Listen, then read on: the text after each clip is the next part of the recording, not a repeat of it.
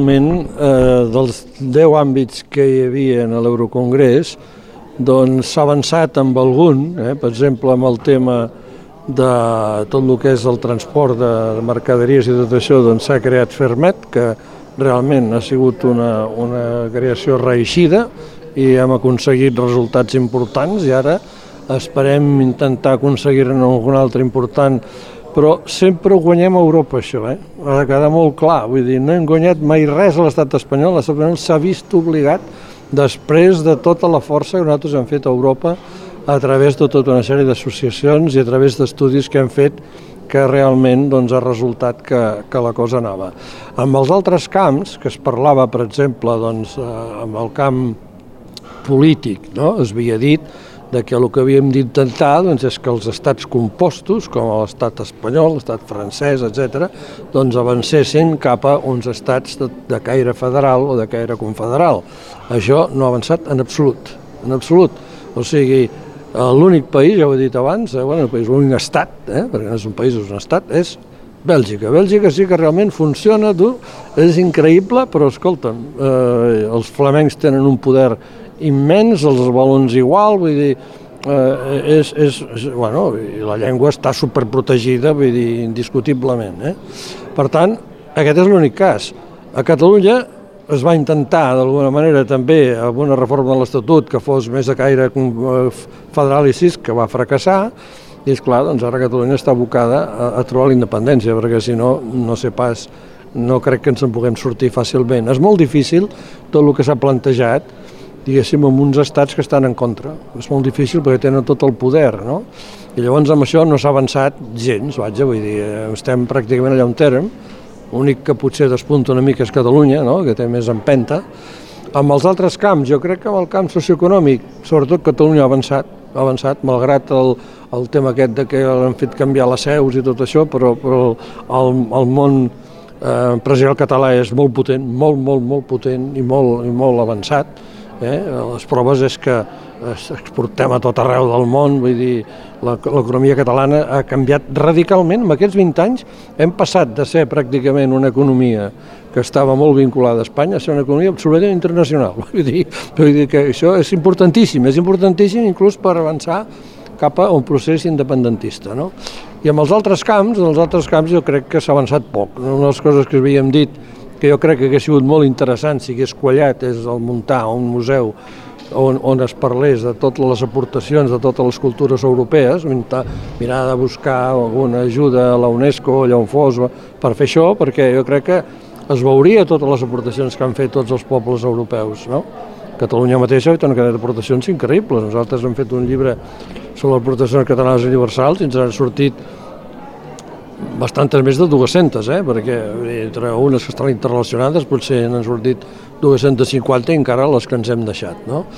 Jo crec que en aquest camps doncs, no, no s'ha avançat gaire, vull dir, el tema doncs, de la llengua, doncs, ja ho hem vist avui com està, el tema de la llengua, diguéssim, no hem aconseguit un reconeixement lingüístic a França en absolut, eh? sembla que va haver-hi un temps, fa un mig any, no sé quan, a l'Assemblea francesa es va parlar de la potencial de les llengües nacionals, però al final s'ho han carregat també, vull dir que no, lingüísticament estem en una situació precària i a Catalunya jo crec que amb això hem reculat més aviat. No, no estem en una posició tan favorable com teníem, ja ho hem parlat, de de la inversió. Eh? Vull dir, eh, i suposo que tot això també és fruit doncs, d'una doncs, societat cada vegada més eh, barrejada i més complicada, no sé però no hem avançat. Ni a, jo crec que allà on s'ha avançat ha sigut a Catalunya, fonamentalment amb el terreny eh, socioeconòmic, des del punt de vista empresarial, eh? no perquè l'Estat ens ajudi. Eh? S'ha avançat també amb a Catalunya cap a doncs, un reconeixement més potent, la població vota independència, no? però eh, els resultats, diguéssim, a, a França i tot això, a Itàlia, doncs són penosos, vull dir, no, no s'ha. Es, es pot eh, considerar que aquests eh, 20 anys de recorregut han finalment demostrat que no hem d'esperar eh, eh, res o massa dels estats, eh, francès, eh, espanyol, i també d'Europa, i si no, eh, de fer-ho nosaltres, com heu dit, amb l'exemple de, de l'economia?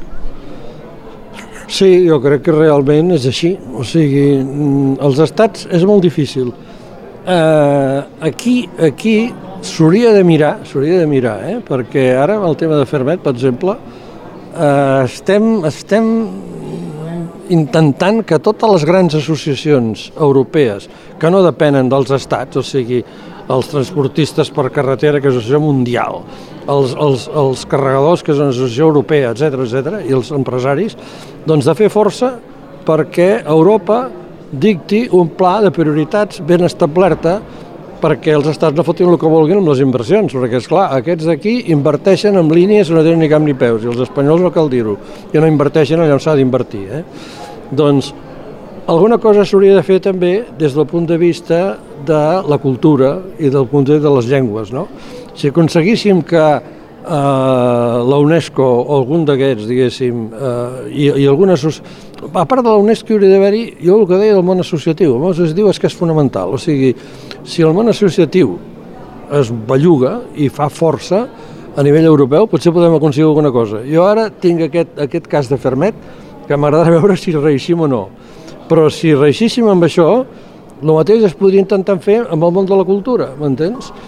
I intentar d'alguna manera, intentar d'alguna manera, doncs que, que sobretot els francesos, a veure si els tombem una mica els francesos, perquè a última hora desenganya't, la llengua francesa, la llengua occitana la llengua catalana són galo-romàniques les tres llengües, tu. Doncs home, hauríem d'intentar que els francesos fossin més proclius a protegir aquestes llengües que a última hora, dintre de lo que és la, la Romania, doncs formen un conjunt que l'haurien de protegir, tu, però noi, és, és complicat, això és complicat. Ara, et diré una cosa, eh? A París, que vam anar a presentar el llibre de les aportacions, escolta, em vaig quedar sorprès de la resposta que ens van donar, perquè quan van presentar el llibre aquest, que van fer una versió en francès, van prendre notes, em va rebre un, un director general que tenia tot el seu càrrec als afers lingüístics i, escolta, va dir, escolti, realment Catalunya és una nació. Això ho va dir un jacobinista, realment Catalunya és una nació. Llavors, jo crec que hem d'intentar fer més força a la societat francesa perquè sigui molt més liberal, tu. Perquè aquest eslògan de liberté, egalité i fraternité el posin de veritat perquè no el fan servir. El diuen però no el fan servir. Joan de Morós, moltes gràcies.